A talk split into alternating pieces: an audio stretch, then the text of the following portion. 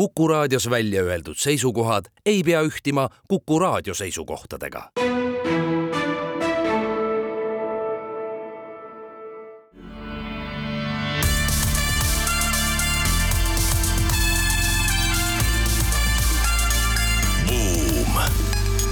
buumile annab hoogu SEB Pank tere päevast, head Kuku raadio kuulajad, on kolmapäev, kaheksateistkümnes oktoober ja eetrisse läheb majandussaade Buum. nagu alati, toome heade raadiokuulajateni põnevaid majandus- ja ettevõtlusuudiseid laiast maailmast. saatejuhid on täna Ott Pärna ja Raivo Vare algatuseks räägime ebakindlusest maailma majandusest ja arutleme selle üle, kas riikide rekordiline võlakoorem on meid uude finantskriisi vedamas kõigi meie meeli praegu paneb muretsema Palestiinas ja Lähis-Idas toimuv äh, sõjaline tegevus. meie räägime ka sellest natukene teise nurga alt. räägime Palestiina startup'i maastikust ja sellest, mis on selle sõja kontekstis sellega juhtumas ja vaatamata suurele sõjale siin ja seal buumivad maailmas jätkuvalt supervõltsinguid. arutame selle üle ja arutame ka selle üle, kuidas siis moetööstus on nendele vastu võitlemas natukene ikka häid uudiseid ka, sellepärast et äh, maailma roheinvesteeringud jätkavad kasvamist ja on tekkinud lausa sellised spetsiifilised inimgrupid, kes selle nimel teevad ka kodus tööd ja kergem põllumajandusuudis tuleb meil ka, nimelt on siis kolmekümne viie aastane banaanikuninga poeg saamas uueks Ecuadori presidendiks. tänaseks saatekülaliseks on meil Erki Niitlaan, Eesti Turbaliidu kliima- ja keskkonnanõunik ning mäeinsener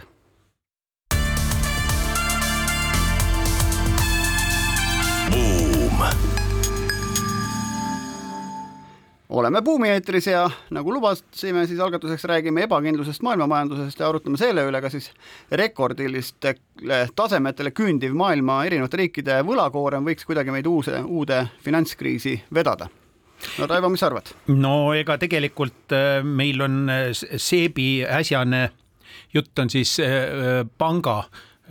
Svenska, Enskilda panga värskest äh, uudisest, ülevaatest õigemini äh, selle kohta, et maailmas üldiselt on asjad keerulised. Ja tegelikult ollakse natukene oldud ka pessimistlikud juba enne, on isegi öeldud, et see, mis praegu toimub, oli kõige ennustatum nii-öelda äh, raske majanduslik seis, kuid probleemiks on siiski see, et ega ta päris ühtlaselt ei jaotu. eraldi teema on see, mis toimub USA-s ja eraldi teema on see, mis toimub Euroopas ja tegelikult äh, tuleb öelda, et USA-s äh, ei anna järele ei inflatsioon ega majandus, aga euroalal on juba pikemat aega näha majanduse nõrgenemist, aga inflatsioon samuti ei taltu. nii et tegelikult ütleme siis niimoodi, et USA-l läheb veel majanduses enam-vähem. Hiina värsked andmed, nagu me teame, tulid, on tegelikult isegi natuke parem, kui analüütikud ennustasid pilt, aga Euroopas on üldiselt surutis veel, veel sel ja ka isegi mingil määral järgmisel aastal peaaegu et paratamatus no mis on huvitav, see asi on nagu selline kuidagi nagu ebasümmeetriline oma olemuselt, et ta pole nagu klassikaline majanduskriis, et on nagu mitu kriisi korraga, eks ole, ja seal taga siis kumab nagu see riikide võlakriis, eks et, et noh, riikide tänane see rekordiline võlatase, eks kõrged intressimäärad, siis rohepöörde kulu, mis on tegelikult riikide kraest paljuski äh, suurenevad pensionikulud, rikkad riigid kõik vananevad, eks. et, et kõikvõimalikud poliitilised eba, ebakõlad, asjad on ju noh kogu ütleme, see populismi kasv niipea, kui noh, riik peaks kuskilgi koha peal oma nagu poliitilisi lubadusi või raha pakkumist tagasi tõmbama või, või siis mitte nii-öelda riigi kulusid tagasi tõmbama, mitte nii palju laenu võtma või võlakirja emiteerida, kohe on tegelikult tänaval siis populistid, kes lubavad kõike siis nagu parandada, eks ole, on ju. ja, ja, ja nii edasi, et see on kõik tegelikult noh, selles mõttes selline argseis ja võimalus suureks majanduskriisiks et, et nüüd kaugel me sellega oleme ja kuidas sellest välja tullakse, kas ikkagi lõpuks hakatakse sellest uuesti välja trükkima, mis jälle tähendab seda, tegelikult raha odavamaks minekut, on ju, just nimelt seetõttu, et ma võtsin ette IMF-i numbrid noh, riikide võlgadest, et siin on hunnik riike, kelle võlad on suuremad kui nende skp, ehk siis kogu majanduse maht aastas kokku on suurem kui riigi võlg, on ju noh, nüüd, kui sa peaksid ainuüksi seda võlga teenindama, on ju, siin Saksamaal vist nelikümmend miljardit aastas, on ju, eks, et selle võla, teenindamise hind, niipea kui intress tõuseb, läheb kallimaks. Ja siis ongi selle asemel, et riik kuhugile investeeriks või, või kellegi, ma ei tea, palka tõstaks, mõnel kultuuritöötajal tegelikult teenindatakse võlgu, on ju, ja noh, hästi lihtne on sinna võlga juurde võtta, eks tegemist on nagu sissejuhatusega ideaalsesse tormi. et äh, ühelt poolt kõrgete intressidega me tõmbame investeeringud kinni ja me näeme seda ju siin Eestis ka tegelikult, et väga suured projektid, äh, võtame kas või meie taastuvenergia projektid ja nii edasi, on äh, läinud niisugusele, ütleme siis ettevaatlikule kursile, teiselt poolt inflatsioon sööb kodutarbijate elatustaset ja, ja kui investeeringuid ei tule, siis noh, töökohad kiduvad ja nii edasi, et, et üks probleem võimendab teist. ja huvitav on see, et üks asi, kui me räägime nagu tänasest hetkest, eks ole, on ju, no tänasel hetkel näiteks Ameerika Ühendriikide välisvõlg sada kümme protsenti SKP-st, inglastel sada protsenti, täpselt SKP suurune, jaapanlastel kakssada neliteist protsenti. ehk siis ja Jaapan, kui ma vaatan graafikut, eks, millal see Jaapani võlg hakkas näiteks Ameerika Ühendriikide või näiteks Itaalia võlast ette minema, see oli aasta kaks tuhat kuskil. Ja Jaapan on selles mõttes hea makett, mis juhtub arenenud maailmaga nii-öelda kahe, paarikümne aasta pärast. aga seal Nimelt... on üks vahe, Jaapanis on sisevõlg, sisevõlg., aga teistel ei ole sisevõlg ja, ja see teeb suure vahe. kui on sisevõlg, aga võlga on vaja olnud võtta seetõttu, et, et lihtsalt seda eelarvet tasakaalus hoida, eks, ja lihtsalt Jaapan on vananenud kiiremini kui arenenud maailm, ehk siis Lääne-Euroopa ja Ameerika Ühendriigid ja Kanada mistõttu see, me jõuame Jaapani vanaduse tasemetele järgi ühiskonnas või noh, ütleme ehk siis maksumaksjaid ja vähemaks ülalpeetavad on rohkem, me jõuame Jaapani tasemele mingi paarikümne aasta pärast, ehk siis me täna, vaadates täna Jaapani välisvõlga kakssada protsenti SKP-st, Euroopa riigid on kahesaja protsendi peal, ma pakun välja ka siin kümne-viieteist aasta pärast. Ja no. küsimus kust see võlg võetakse, üks, mis on selle võla teenindamise hind, on kaks, on ju, ja mis juhtub euro või, või, või noh, USA dollariga võib-olla lihtsam, aga mis euroga juhtub? ei ole sugugi lihtne, sest USA-s toimuv sisepoliitiline võitlus praegu on ka selle ümber äh, liikunud ja seal on äh, oponendid äh,, vabariiklased juba öelnud, et praeguse kursi jätkumisel, teadupärast seal on vaidlus riigivõla nii-öelda lae kasvatamise osas, praeguse kursi jätkumisel jõuavad nad kahekümne viie aastaga, jõuavad saja viiekümne pluss protsendini SKP-st riigivõlaga. aga jutt on ju, tuletage meelde, maailma suurimast majandusest ja SKP-st, nii et see number oleks täiesti aukartust äratav no,. Ameerika Ühendriikide netointressimaksed kasvavad kahe tuhande kolmekümne kolmandaks aastaks siis tänaselt kahelt poolelt protsendilt SKP-lt kolme koma kuue peale ja aastaks kaks tuhat viiskümmend kolm kuue koma seitsmele protsendile SKP-st no praeguse seisuga on ju suurim juurdekasv toimunud intresside eh, kasvu arvelt on ju ka arenenud majandustel just samal põhjusel, kuna võlasumma on niivõrd suur, intressid jooksevad eh, tasapisi ülesse ja need numbrid on aukartust äratavad. mõelgem ainuüksi sellele, et arenenud riikide juhtgrupi poolt on võla, eh, võla nii-öelda summad kasvanud kümne triljoni, te kuulsite õiget numbrit, kümne triljoni dollari võrra ja aastas. see aastas ja see tuleb kuskilt ju see raha leida ja eks see lõpuks korjatakse ikka ei kuskilt mujalt kui tarbijatelt, kui inflatsiooni kaudu, rahatrüki kaudu ja nii edasi. jah, ja kaheksakümmend protsenti sellest kõigest on tulnud siis arenenud maadest, on ju. et kui me siin taustaks paneme, noh, kogu see rohepöörde taustal oleva seda, et maailmas saavad, saavad ressursid otsa, on ju, siis tegelikult hagu annavad alla just nimelt need arenenud riigid oma nagu tarbimise mitte tagasitõmbamisega ja, ja, ja teisisõnu siis selle maailma nagu hukatusse viimisega. vaatamata sellele, et on, varsti tuleb see maailma rohekongress on ju ja, ja siin jällegi arutletakse suured juhid, kuidas me siis oma no seda maailma säästame, aga suur osa sellest kulutamisest tehakse arenenud riikides ikkagi jätkuvalt ja et kui nali naljaks öelda, siis meile ka ju kogu aeg nii-öelda poliitiliselt käiakse ette loosungeid, et peame olema järjest efektiivsemad ja paremini tegema, et noh, kui selle loosundiga jätkata, siis põhimõtteliselt ega seal see lahendus ju ongi. ainult et paraku seda efektiivsust noh, nii-öelda tehnoloogias me täna veel ikkagi ei näe, et selliseid numbreid ära teenindada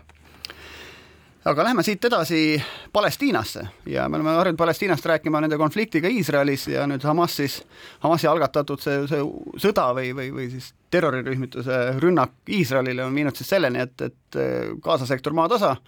ja aga, aga me vaatame otsa sellele asjale startup sektori vaatevinklist. Ja kui arvestada, et Iisrael kõrval on rahvusvaheline startup nation maailmas, kõige suurema kontsentratsiooniga startup'e inimese kohta, eks ole, ja Iisraelis palju on, kümme miljonit inimest või? Mm,? natuke alla. noh,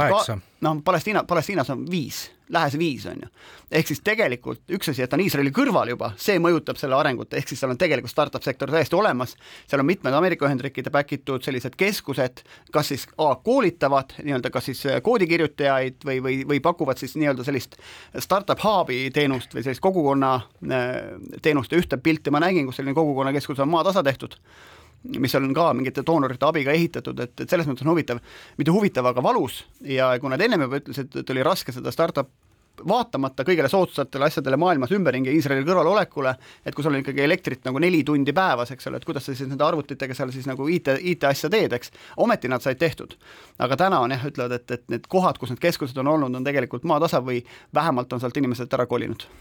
mind nende uudiste valguses hämmastas see, et äh, kuigi seal oli välja toodud numbreid, äh, kui palju on siis sellesse piirkonna tehnoloogia startup idesse investeeritud, et noh, need on seal kaheksakohalised numbrid ja nii edasi,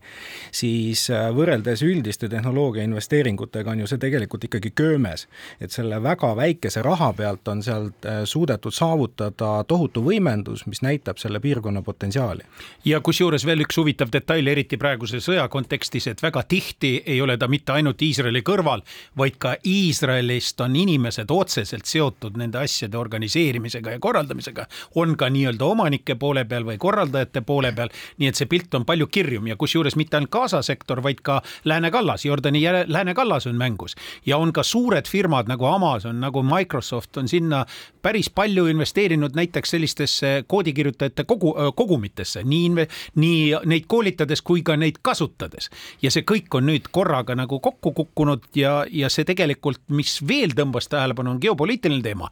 Tohutult viimasel ajal väidetavasti on sisse liikunud saudid, kuna saudid sooritavad tehnoloogilist hüpet siis neile on vaja hästi palju IT-tuge ja, ja nad on leidnud üles just nimelt äh, palestiinlased kui üks ressurssidest selle jaoks. ja, ja nüüd on see ka kõik nii-öelda kokku, kokku varisenud, nii et, nii et tegelikult äh, tagasilöök on väga suur, seda enam, et nagu me teame, valdavalt on ju selle valdkonnaga seotud noored inimesed, haritumad inimesed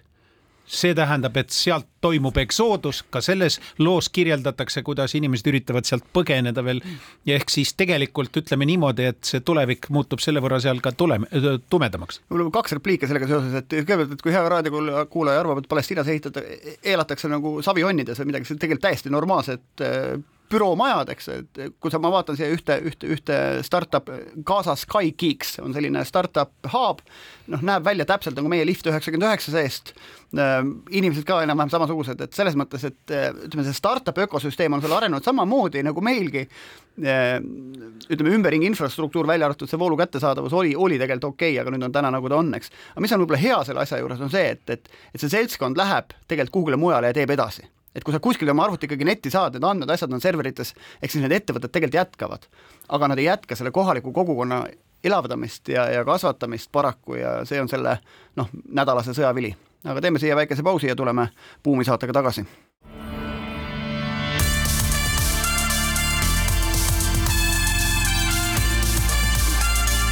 buum. buumile annab hoogu SEB Pank Läheme edasi majandussaatega. Buum, saatejuhid on täna Raivo Vare ja Ott Pärna ja külas on meil Erki Niitla, on Eesti Turbaliidu kliima- ja keskkonnanõunik. Äh, räägime edasi supervõltsingutest, äh, siis disainertoodetest, mis on siis järgi tehtud ja mille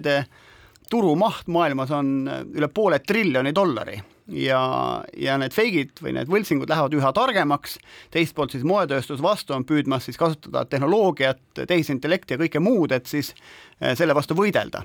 ja kui te tahate ise selles võitlemises eksperdiks saada, siis ja kuidagi tehisintellektiga konkureerida, siis on teil võimalus näiteks kaheksa tuhat tundi seda asja õppida, siis võib-olla hakkate ära tundma näiteks mõne Louis Vuittoni koti lõhna et eristada ära seda võltsingust. ja aga need kaheksa tuhat tundi ei ole nüüd universaalsed kõikide asjade jaoks nii-öelda ekspertiisi arendamiseks, vaid ikkagi teatud tüüpi asjade jaoks, nii et kui tahate laia profiiliga eksperdiks hakata, on veel rohkem vaja vaeva näha. täna tegelikult loodetakse väga palju ai-le loodetakse väga palju tegelikult tehnoloogilistele lahendustele, mis kasutavad ära ka plokiahelaid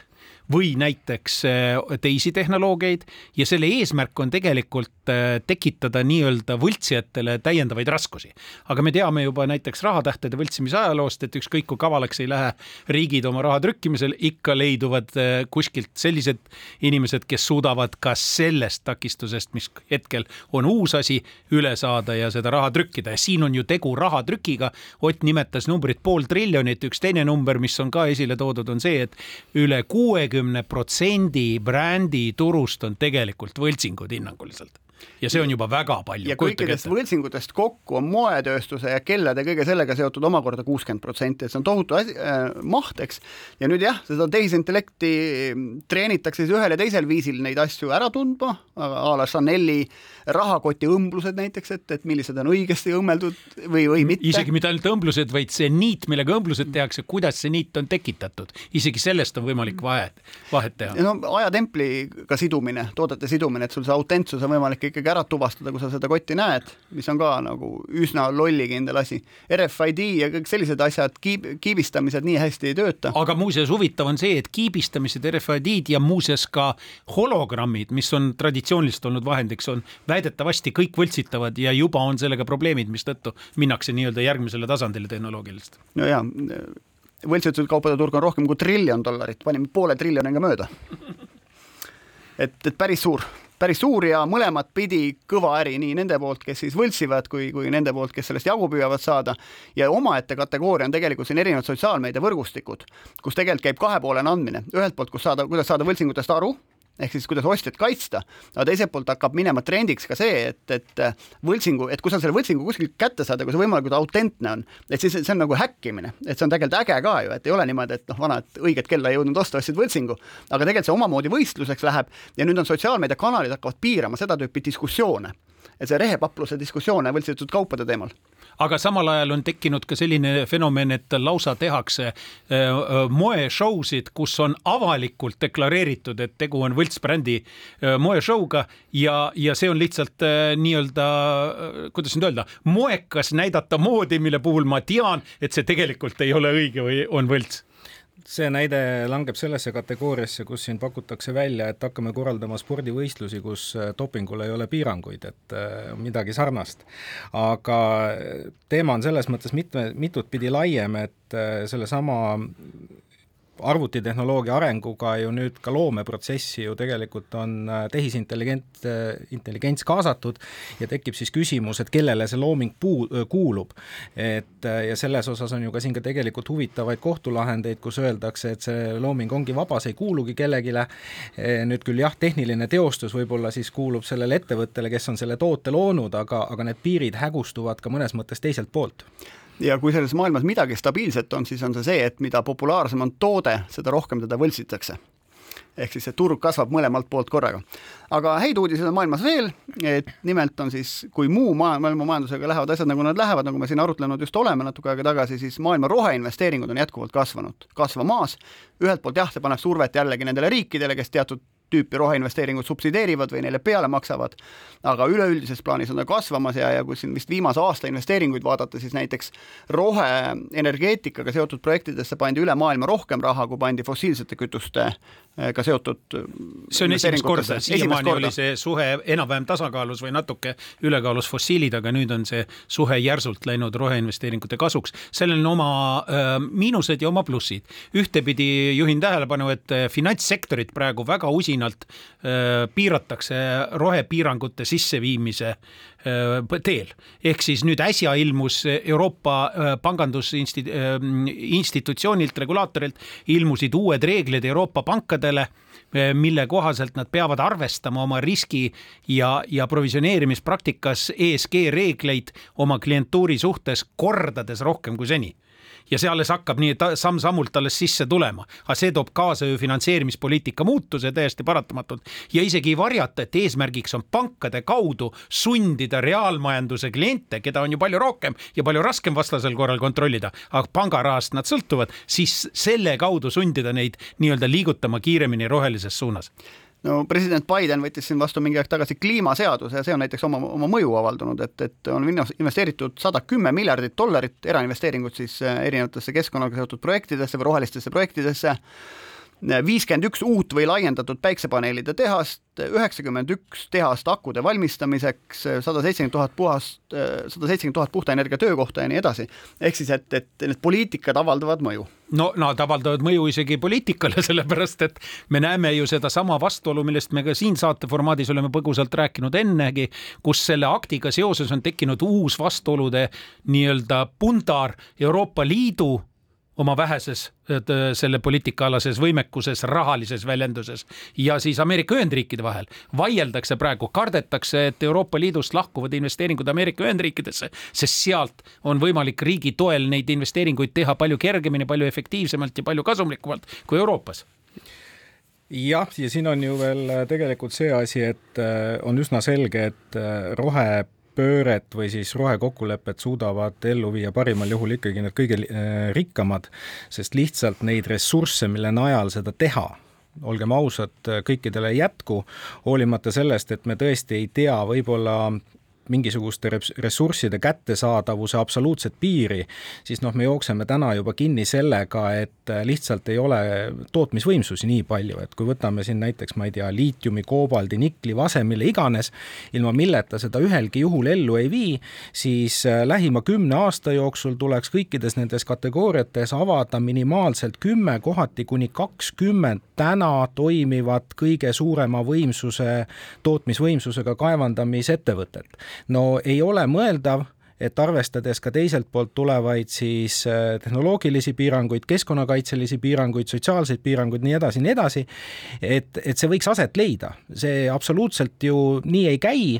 ja, ja neid uusi tootmisvõimsusi tuleb turule tegelikult väga vähe, mis viib hinna, hinnatõusuni ja mis päriselt juhtub, on see, et needsamad nii-öelda rikkad riigid, kes täna tarbivad kaheksakümmend protsenti ressurssidest, tarbivad ära ka praktiliselt kõik need rohepöördeks vajalikud ressursid ja ülejäänud maailm jäetakse tühjade pihkudega. no üks ülejäänud maailm on siin veel, kellel neid ressursse natuke jagab, nimelt Hiina. Ja Global Energy Monitori andmetel on Hiina teel oma siis äh, päikese- ja tuuleenergia võimsuste kahekordistamise suunas aastaks kaks tuhat kakskümmend viis, mis on tervelt viis aastat varem, kui plaaniti. no kus ta siis jagab, kui ta need iseendale investeerib? no just, just, just, et, et neil endal vähemalt jätkub ja üks selline vähe madalama arengutasemega piirkond, kes tegelikult teeb, muidugi teises otsas on see, et nad teevad kivisöe elektrijaamu ka jätkuvalt juurde siin suuremal tempol kui, kui terve maailm uue tehnoloogia alusel, kusjuures näiteks Venemaalt on nad kasvatanud peaaegu kaks korda kivisöe sisseveo selle aasta arvestuses ja tegelikult kogu Aasia kivisöe suur tippkohtumine toimus üsna äsja Filipiinidel, kus nad jõudsid järeldusele, et tegelikult see rohepööre Aasias nii kiiresti toimuda ei saa ja kivisööl on veel tulevikku, ainult et need tehnoloogiad, mida praegu hakatakse kivisöe puhul rakendama, on ka nüüd vähem emissioonirikkad, kui nad enne olid, just hiinlaste arendatud. aga mis puudutab, jah see kivisüsi tuuakse täna ka suures osas Mongooliast ja sinna rajatakse praegu väga suuri ja võimsaid kaevandusi, nii et äh, aga selle teema lõpetuseks võib äkki rääkida mõne sõna elektriautodest, nimelt on siis maailmas kakskümmend kolm riiki, kakskümmend kolm riiki tervelt, kus siis nende müük on rohkem kui viis protsenti kõikide autode müükidest sõiduautode müükidest, mis siis mõnes mõttes tähendab nagu sellise penetratsiooni piisavat taset juba, et sealt edasi kasv enam tagasi ei lähe. sama on nähtud siin, ma ei tea, LED-pirnidega, mobiiltelefonidega, eks nii edasi, et, et, see on tõesti... see maagiline viie protsendi piir, millest üle, üle minnes juba hakkab loomuliku kasvu mehhanism käima, aga ma lubasin kaks sõna ka öelda selle kohta, et on ka äh, isikliku elu korralduses inimesed võtnud sellest tuld, sellest rohelisest pöördest. nimelt on Bloombergil välja toodud, et on tekkinud selline selline noh, kuidas nüüd öelda, ühiskondlik äh, suundumus, äh, mida nimetatakse inglise keeles climate dads ehk siis, mis on siis kliimaisad või? Need on siis pereisad, kelle, kelle kogu elukorraldus, nende pereelukorraldus selle kaudu, nende laste kasvatusmeetodid ja kõik on sellest rohelisest ideest kantud pannakse üles päiksepaneele, elatakse viisil, mis on hästi roheline ja nii edasi. plastmassist mänguasju ei osteta. ja plastmassist mänguasju ei osteta, mida küll hiinlased varsti tegema hakkavad. ja kindlasti sõidab see papa ka siis elektriautoga ja vähemalt Ameerika Ühendriikides on täna siis neli tuhat kaheksasada avalikku laadimise kohta, millest tuhat kolmsada on tehtud viimase kaheteist kuu jooksul ehk siis, et, et, et liigume vaikselt sinna suunda, mina pole elektriautot veel ostnud, vend on mul juba ostnud, et vaatame, mis, mis siis see indeks mõne aasta pärast siin, siin näitab. aga üks hea uudis on meil veel, nimelt on Ecuadori presidendiks saamas siis kohaliku banaanišeigi äh, kolmekümne viie aastane poeg, kes on pigem Daniel parem... Noboa on ta nimi. jah, kes on pigem parempoolne ja üks selles mõttes huvitav era, erand seal Ameerikates, kus siis tegelikult äh, nende, nende vasakpopulistide vastukaaluks on tegelikult suhteliselt ratsionaalne vend äh, pealikuks saanud või saamas ja, ja, ja kes just rõhutab nagu noortele ja nende kaasamisele sellisele noh, nii-öelda sellise kaasaegsema riigi ehitamisele, mis on minu meelest positiivne uudis. Jah, aga selle banaanikasvataja ei ole ta mitte juhuslikult, küllap ta on ka e, meie turbakasvatajate klient, on mul kahtlus ja ma tahtsingi siia äh, mängu tuua hoopis võib-olla nagu teise pöörde selles teemas, et äh, meil on vähe teada fakt, et äh, suur osa banaani väiketaimedest enne istandustesse maha istutamist kasvatatakse valmis ju kasvuhoonetes ja väga sageli ka turbal põhinevatel substraatidel, nii et kui siin ajakirjandusest võis lugeda, et Eesti on maailmas neljas turbatootja, siis suure tõenäosusega lugupeetud tulevase presidendi isa on ka Eesti turbatootjate klient selle hea tõdemusega teeme siia väikese pausi ja tuleme Buumi saatega tagasi.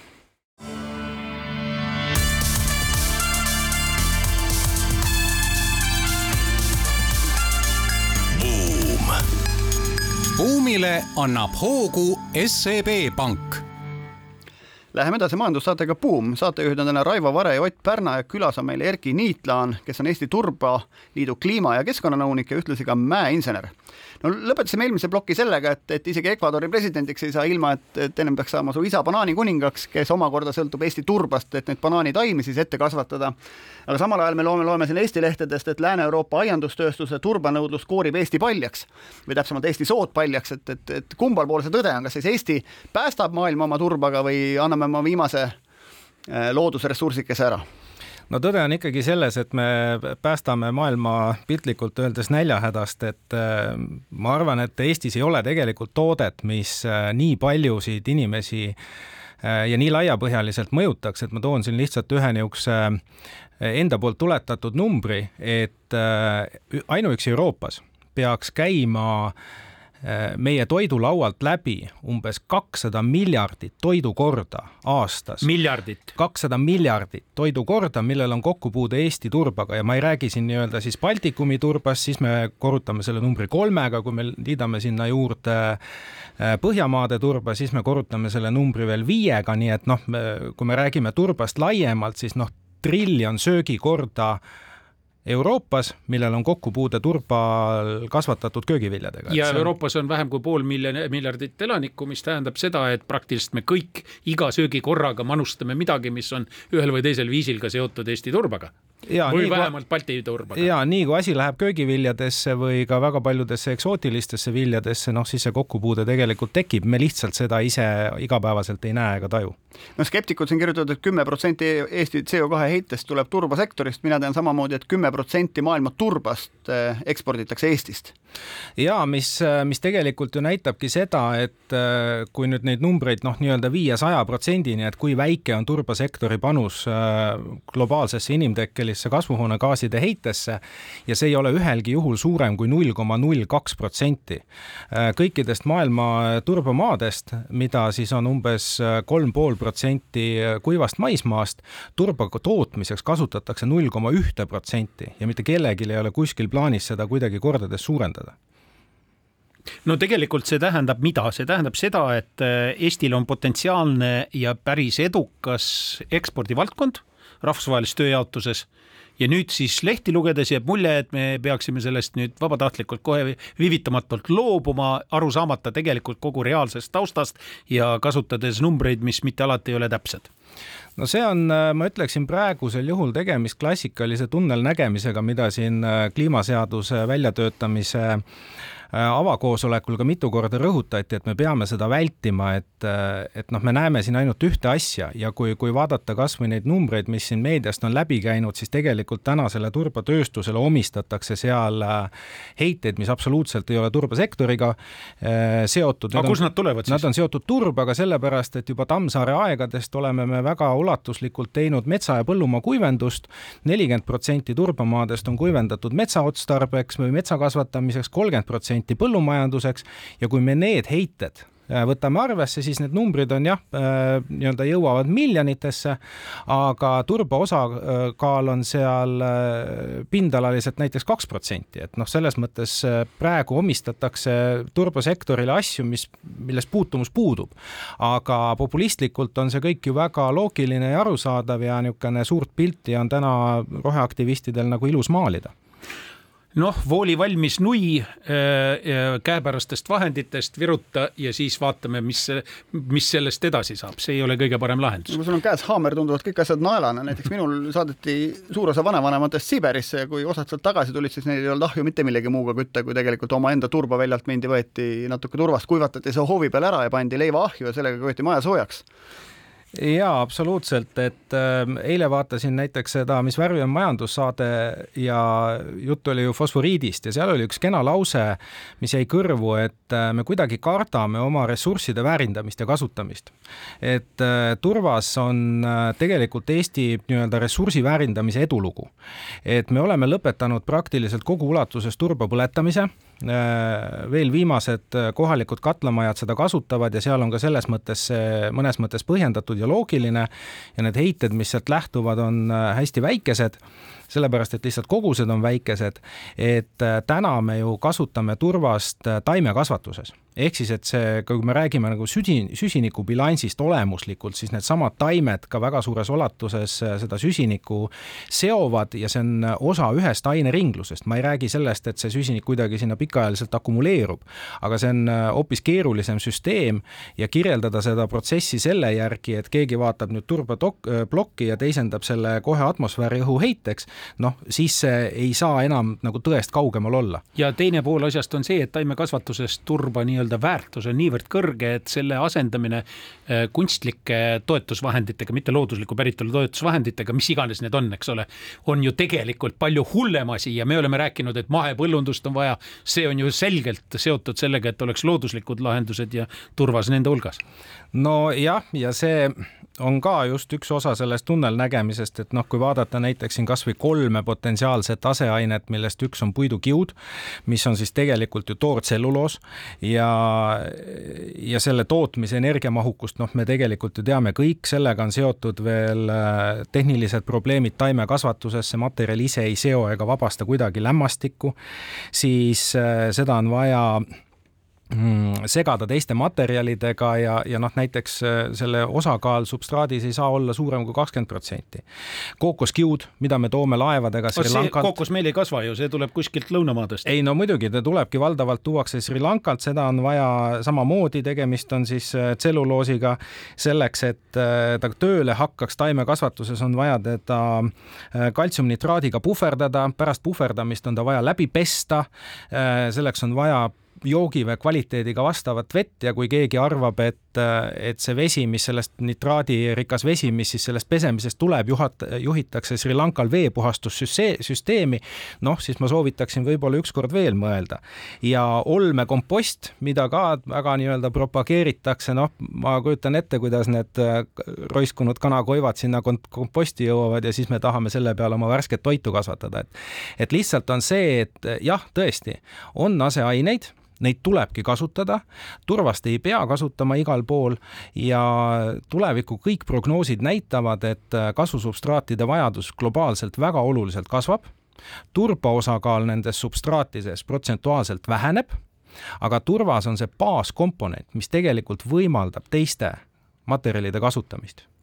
aga kui me nüüd vaatame seda, et, et ma ei tea, kuivõrd see meie probleem on, et kust, kui, kuidas kasvatavad hollandlased tulpe, on ju. aga täna nad ometi meilt ju turvast saavad, et, et kas nad nüüd asendavad selle millegi muuga või mitte. aga ma küsiks nagu niipidi, et kas osa sellest nagu suurema lisandväärtusega tegevusest, mis turba peal tehakse, võiks olla kuidagi Eestisse toodav, et, et, et seda lisandväärtust selle meie oma turba pealt rohkem siin kohapeal loodaks või mitte, et me niivõrd maailma näljahäda ei lahendaks ära kuskilt noh, distantsil? no ma võib-olla toon niisuguse näite, et äh, kui ma nüüd numbrites ei eksi, siis äh, Hiina aiandussektori strateegia näeb ette nende kasvuhoonete ehk siis katmikalade pindala kahekordistamist, aga olgu siin juhul siis märgitud, et äh, Hiinas on äh, kaetud umbes Eesti-suurune ala. Ehk siis, et nad põhimõtteliselt tahavad Eesti suuruse ala kasvuhooneid veel kuhugi mujale täis ehitada, et kui see on nüüd osa rohepöördest ja Eesti majanduse päästmise strateegiast, siis ma ei oska rohkem kommenteerida, et reaalsus on see, et noh, me ei suuda seda teha. et äh, kui äh, Lääne-Euroopas ja, ja Lõuna-Euroopas saadakse samalt alalt kolm saaki aastas, noh siis meie saame nii-öelda looduslikel tingimustel ühe ja kui me tahame rohkem saada, siis me peame jälle kütma, noh millega me siis kütame puiduga või kivisöega või, või maagaasiga, et noh, see ei ole kuidagi jätkusuutlik, et reaalne on ikkagi see stsenaarium, mis praegu toimib, et äh, see vähene kogus turvast ja maailma mastaabis on ikkagi tegemist noh, täiesti mikroskoopiliste kogustega, et ma toon näiteks siia nii-öelda kõrvalepõikena sellise numbri, et kogu maailma tur-, äh, turbatoodang tonnides on täpselt sama suur, kui on Eesti liivakruusa tarbimine aastas, see on umbes kümme miljonit tonni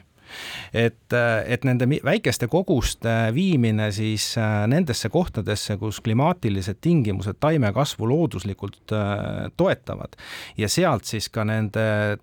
toiduainete laiali jaotamine või ka mis iganes taimede laiali jaotamine tarbijatele on igal juhul alati keskkonnasäästlikum ja ressursisäästlikum kui, kui selle toiduainete tootmine meil, toomine meile, mis ei tähenda seda, et me ei peaks kohalikku aiandussektorit äh, arendama kas ei ole ikka nii, et tegelikult natukene me oleme kinni minevikus, esiteks on märkimisväärne äh, turba tootmise osakaal oli, oli seotud omal ajal kütte turbaga ehk siis briketi teema, eks ole, ja me ikka mõtleme samades kategooriates tihtipeale. ja teiseks tegelikult me nagu äh, praegu selle äh, süsinikuemissiooni äh, nagu arvestuses me, me kipume siis nüüd siis tootjamaad ehk turbatootjat nagu äh, nägema ainult selles kontekstis, aga samas seda, kes seda kasutab, me me nagu teda seal enam selle, sellisena ei näe, nii-öelda piltlikult öeldes mis iganes taime, mis keegi kuskil kasvatab, selle, selle turba abil, tema tuleb puhtalt välja. no nii on, et ma nüüd võib-olla ise nagu võtan natukene niisuguse rohelisema maailmavaate poole ja, ja selle peale siis võiks vastata, et noh, atmosfäär on meil üks, on ju, et tegelikult ei ole ju vahet, kus kohas see CO2 heide aset leiab, aga meie nii-öelda väidete alus on see, et mis nüüd konkreetselt puudutab ikkagi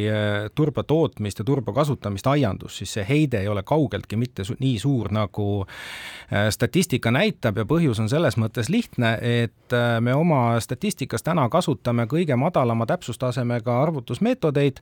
ka Euroopa Liit on tegelikult meile kliimaseaduses ette öelnud, et need arvutusmeetodid tuleb viia nii-öelda teisele ja kolmandale tasemele. sellega me täna tegelikult tegelemegi, käivitatud on mitmed teadus-arendustegevused ja projektid, mis seda teadmist juurde toovad. kahetsusväärselt ei ole mitmetele küsimustele varem tähelepanu pööratud, aga pole ka vaja olnud ja nüüd, kui kui on vaja langetada poliitilisi otsuseid, siis tuleb need uuringud ära teha.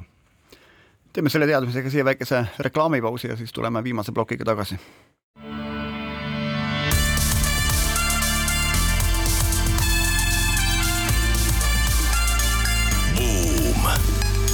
buumile annab hoogu SEB Pank Läheme edasi majandussaatega Buum, saatejuhid on täna Raivo Vare ja Ott Pärna ja külas meil Erki Niitla on Eesti Turbaliidu kliima- ja keskkonnanõunik ja ühtlasi mäeinsener. no räägime siin turbast ja sellest, et kas ta siis toob eestlastele õnne õuele, tema siis äh, siin, siin äh, kaevandamine, töötlemine ja eksportimine või, või on see suur keskkonnajalajälg, aga ma paneks siia kõrvale nagu selle, et meie nii-öelda Vene Föderatsioon on Ukrainas ära mineerinud, mineerinud sada seitsekümmend viis tuhat ruutkilomeetrit maad, mis on kolm Eesti suurust ala, mis on siis igasugused mürsi, mürsujäänukid, miinid, kõik see asi, mis on põhimõtteliselt tühermaa järgmiseks viiekümnest aastaks, mille demineerimine maksab mingi kolmkümmend seitse miljardit dollarit, võtab aasta aega viiskümmend aastat. et kas me siin nagu lahendame nagu õiget asja või? et Eestis on äh, turbal, ma ei tea, palju on, neliteist tuhat neliteist ruutkilomeetrit, ütleme. no neliteist ruutkilomeetrit, eks, noh, et, et äkki me kuidagi oleme fookuse tõstnud mingisuguse suhteliselt kõrvalise teema, sellega tapnud ära võib-olla muud teemad, mis on maailmas olulised ja, ja, ja mida peaks tegelikult ajama. et, et on ta nii oluline teema, kui siin suured kaanelood praegult nagu teda püüavad näidata absoluutskaalal kindlasti ei ole, aga see ei ole selles mõttes ka sektori vaates kunagi olnud vabandus, et äh, turbasektor on olnud väga, ma ütleksin, aldis kaasa tulema keskkonnaväljakutsetega tegelema, et noh, näiteks selles samas või nendes artiklites on öeldud, et keegi ei korrasta. et äh, praegu on töös umbes kakskümmend korrastamise projekti, mis on viimase paari aasta jooksul käivitatud, Turbaliidu sisemine eesmärk on kahe tuhande kolmekümnendaks aastaks korrastada ja riigile tagastada Äh, umbes viis tuhat hektarit, kui kaevandamislubadega on kaetud kakskümmend tuhat hektarit, siis see on tegelikult väga arvestatav osa, et, et siin on ka sektoril loomulikult võimalusi, kus saab nagu paremini teha ja efektiivsemalt teha, aga noh, kui me räägime aiandusturba kasutusest globaalselt, noh siis mingisuguse teguriga, mis kuidagi võiks kas, ma ei tea, kliimat hukutada või päästa, noh lihtsalt ei ole no ma tuleks veel laiema pildiga foonile ka tagasi, noh, turvas on kasulik taimekasvatuses. mõelgem ka sellele, et tegelikult on maailmas eksisteerib reaalne põllumajanduse väärtusliku maa puudus. ja see ja kusjuures see maapuudus kasvab, mitte ei vähene ja reaalsed äh, numbrid on nii suured, me oleme mõnest asjast siin ka rääkinud selles saate formaadis eelnevalt, aga eelkõige nüüd selles rahva rohkemates riikides on see probleem väga suureks kasvanud ja, ja seejuures ka veel need maad, mis vanasti olid kasutuses, on ka veel ringlusest välja erinevatel põhjustel jõudnud ja, ja siin tulevadki appi nüüd need looduslikud vahendid turvas sealhulgas, mis oleksid siis natukenegi, aitaks paigata seda puudust, mis on tegelikult juba ähvardamas ka toidupuudusega. muuseas näiteks terveid riike, isegi Hiinal on see probleem teistest rääkimata. ja kui nüüd seda eelnevat natuke numbriliselt sisustada, siis äh, tuhande üheksasaja kuuekümnenda aasta, kuuekümnenda aastaga võrreldes väheneb kahe tuhande viiekümnendaks aastaks ühe inimese kohta olemasolev põllumaa neli korda maailma Tervishoiuorganisatsioon on öelnud, et meil on äh, umbes kuuskümmend saaki keskmiselt põldudelt jäänud, et see ei ole noh, nii-öelda laialdasemalt Eesti probleem. aga ka seoses kliimamuutuste ja, ja oluliste siis nii-öelda ekstreemsete ilmastikuolude sagenemisega üha suurem osa toidu tootmisest on vaja viia kontrollitud tingimustesse, puhtalt lihtsalt sellepärast, et meil saagid ei ikalduks. ja ma nüüd ei ütle siin, et äh, kõik see, mis kontrollitud tingimustesse läheb, peab kasvama turbal, aga väga suur osa ta sellest ikkagi turbal Turbal on, sest maailma äh, aiandussektor kasutab umbes seitsmekümne protsendi ulatuses äh, või vabandust, üheksakümne protsendi ulatuses äh, turbal põhinevaid substraate ja turbasisaldus nendes substraatides on umbes seitsekümmend protsenti, nii et see on ikkagi väga mastaapne maht, mille pealt siis täna toiduaineid toodetakse ja taimi kasvatatakse. no see on sisuliselt üle, üle poole substraatidest on tegelikult nii või naa turvas füüsiliselt. jah ma hakkan mõtlema seda, et, et kui me tõesti siin Tammsaare ajast ja ennem seda tegelikult oleme juba turvast siin kaevandanud ja temaga toimetanud, et kas meil selle ümber ka mingit muud sellist aiandusalast nagu tarkust on ka siia kasv-, kasvanud siia riiki. et, et ma siin, mul on siin erinevad indeksid ees või, või, või, või maailma nagu kas siis toidu innovatsioonist või toidu startup idest või ka aianduse startup idest innovatsioonist seal, et kas see valdkond ei võiks siis, ma ei tea, Räpina ja, ja Olustvere ja teiste põllumajandus- aianduskoolidega kahasse kuidagi siin maaülikool, meil terve suur ülikool on ju, et et kuidagi selline noh, seotud ökosüsteem areneks ka, et see turvas jääb selliseks killuks, aga see seeme nii-öelda Eesti, ma ei tea, toidu ja taimekasvatuse startup idele no eks ta kindlasti ka ole seda ja, aga noh, kui me nüüd paneme selle jälle kuidagi skaalasse, siis, äh, siis neid startup'e on palju, nad on põnevad, nad on ägedad, aga kui me võtame näiteks kasvõi selle vajaliku kaloraaži hulga, mis sealt siis nendest äh, startup idest välja tuleb ja mida saab tarbimisse suunata, siis vähemalt seni veel on see ikkagi äh, väga väike maht, et see võib-olla kõlab halvasti, aga noh, põhimõtteliselt viimane suur põllumajandusreform maailmas minu meelest viidi läbi tuhande üheksasaja üheksasaja kuuekümnendatel Indias, kui tehti sellist asja nagu Green Revolution, kus siis ameeriklane Norman Borlaug äh, moderniseeris India põllumajandustootmise, noh, seal oli, seal oli mastaap, mis mõjutas äh, rohkem kui miljardit inimest too hetk, et noh, sellele need startup'id täna ei küündi, aga muidugi tuleb vaadata trende, loomulikult tuleb tarbida võimalikult suures ulatuses kohalikku toitu, aga noh, siin on ka jällegi see, et äh, me peame kohati vasikatega näiteks võidu jooksma ja ma räägin siin Eesti aiandussektorist, et kui Soomes on näiteks riiklik pro programm igale ruutmeetrile, mis on katmikalade alla pandud, toetust maksta, siis noh, Eesti valitsus sellise jutuga ei võta kedagi kuuldele, nii et äh, konkurentsitingimused on seatud sellised, et meil on see kõik üsna keeruline siin Eestis tegelikult maailma trendides on ka märgata, et minnakse üha rohkem nagu selliste looduslike faktorite alusel äh, taimekasvatusele. ja, ja nüüd pannes kokku selle pildiga, mis sa enne rääkisid, tuleb välja niimoodi, et, et tegelikult me peaksime turba kasutamist kasvatama, mitte seda järsult vähendama, sellepärast et tegelik tema efekt on palju suurem siis, kui ta on kasutuses, mitte siis, kui me teda lihtsalt jätame kasutamata. ja teine asi, mis on, tuleb ka nagu ette, on see, et me, me võtame Tammsaare aegadest või veel Mahtrase aegadest asjad ette ja paneme kõik kalkulatsioonidesse ja samal ajal ei mõtle, et mis toimub tulevikus et noh, et ega selle tuleviku projekteerimine, Oti küsimused olid ju ka suunatud sellele, et me peaksime nagu katsuma endale leida ka siin niši täiendavalt väärtustamaks või väärindamaks seda, seda oma, oma tooret, mida meil on ja mis on tegelikult nii hästi meid teeninud tänaseni no ma ikkagi seda innovatsiooni otsiks siit nagu spunki taga, et ma siin vaatan ühte mingit listi, on ju, et et kus seda innovatsiooni siis leidub, et, et õitsvate toataimedega seoses, siis igasugune taastav aiandus ja selline jätkusuutlik aiandus ja väljapoolt mitte sisendit võttev aiandus, aiandusega seotud tehnika ja tehnoloogia, igasugused ürdiaiad näiteks, kliimakindlad aiad et me teame, paljudes riikides pole enam sellist niiskust ja kuumus liiga suur, et üldse mingit aeda pidada, on ju. mis siin veel, muruplatside vähendamine ja nende mitmekesistamine. Äh,, igasugune roheline haljastus igal pool mujal, näiteks liikumisharrastuse, spordi ja loodushoiu kokkupanek, täi-, väga suur valdkond, igasugused kuivatatud lilled ja muud äh, saadused äh,, ja kõik muu selline, ehk siis, et ütleme maailma mõttes võib-olla tõesti sellist India suulust põllumajandusrevolutsiooni, mis Eestist ei mõjuta, aga jällegi, kui on suur, see valdkond on tohutu, maailmas toidukriis tegelikult on olemas, on ju, et, et seal ilmselt neid lahendamist vajavaid küsimusi, mida innovatsioonitehnoloogia, IT, ma ei tea, mille abil saaks lahendada, no ilmselt jätkub meile küll ja veel absoluutselt, aga need kõik näited, mis sa äh, tõid praegu, see on nii-öelda esimese maailma iluaianduse teemad, et äh, see on ju, see ei ole see, mis meid toidab, see on see, mis äh, üsna vähesele osale inimkonnast suudab pakkuda esteetilist naudingut ja, ja ka tänasel juhul on tegelikult turbaga seal väga vähe seost. et, et need mahud, mis hobiaianduses kasutatakse, on, on suhteliselt väikesed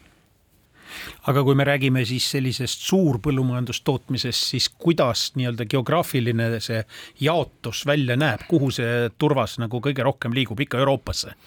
ja üleüldse kogu maailma põhiosa turba tarbimisest, tootmisest ja tarbimisest toimub Euroopa piires.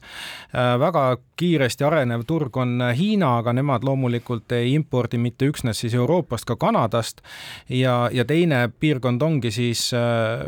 Kanada ja Ameerika vaheline suhe, et väga palju toodetakse Kanadas, sellepärast et klimaatiliselt on seal turbatekkeks soodsamad olud, äh, aga toodetakse ka USA-s ja, ja põhimõtteliselt Kanada varustab siis kogu Põhja-Euroopat ja suures osas ka Lõuna või vabandust, Põhja-Ameerikat ja suures osas ka Lõuna-Ameerikat no Eestis me teame seda, et, et kõrvuti saavad suurepäraselt eksisteerida nii turbamaardlad kui ka siis äh, looduskaitsealad ja mitte midagi ei juhtu. sa rääkisid, et viis tuhat hektarit antakse riigile tagasi nii-öelda taastatud turbaväljasid. et me siin oleme vaikselt Buumi saates ikkagi reisisoovitusi ka andnud, et on mõni Eestis mõni selline vahva koht, kuhu tasuks minna ja mis nendel taastatud turbaaladel tehakse. kas seal ekskursioonile saab minna, mis seal näeb? kas üldse ligi lastakse, eriti kuival ajal, kui on tuleoht? Äh, aktiivsetele tootmisaladele tegelikult ei lasta ja see ongi päriselt ohtlik, et äh, teadmatusest maha visatud koni või isegi tühi pudel võib äh, põhjustada põlengu. ja seetõttu noh, nii-öelda kontrollimatuid horde tootmisaladele tegelikult ei lubata. aga kui nüüd tulevad siin korrastatud alad ja, ja me oleme seadnud eesmärgiks just nimelt korrastada ökoloogiliselt ehk siis, et taastada tingimused soo taastekkeks, selleks et turvas hakkaks uuesti akumuleerima, tuleks tagasi sootaimestik, linnustik, loomastik, kõik see, mis seal enne oli äh, siis, äh, siis neid kindlasti tuleb äh, ka selliseid, kuhu saab vaatama minna,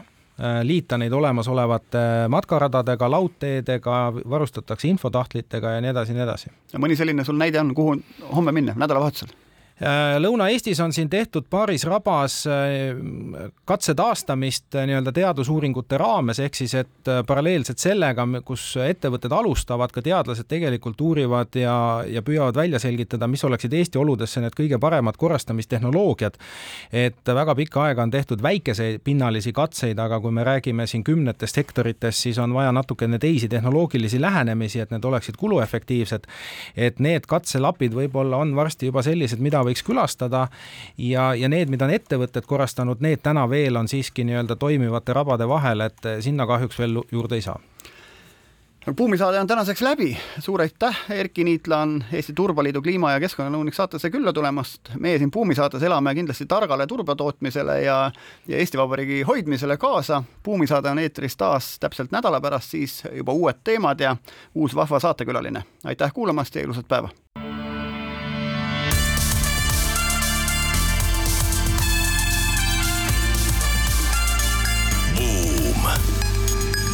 Buumile annab hoogu SEB Pank